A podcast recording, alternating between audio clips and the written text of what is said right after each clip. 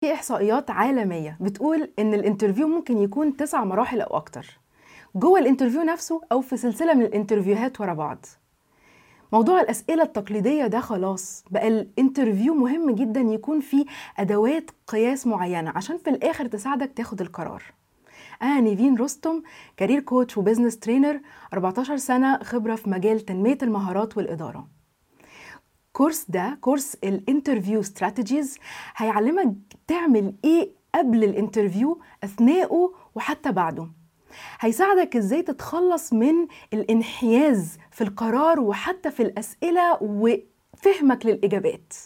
يلا بينا نبتدي كورس ال interview strategies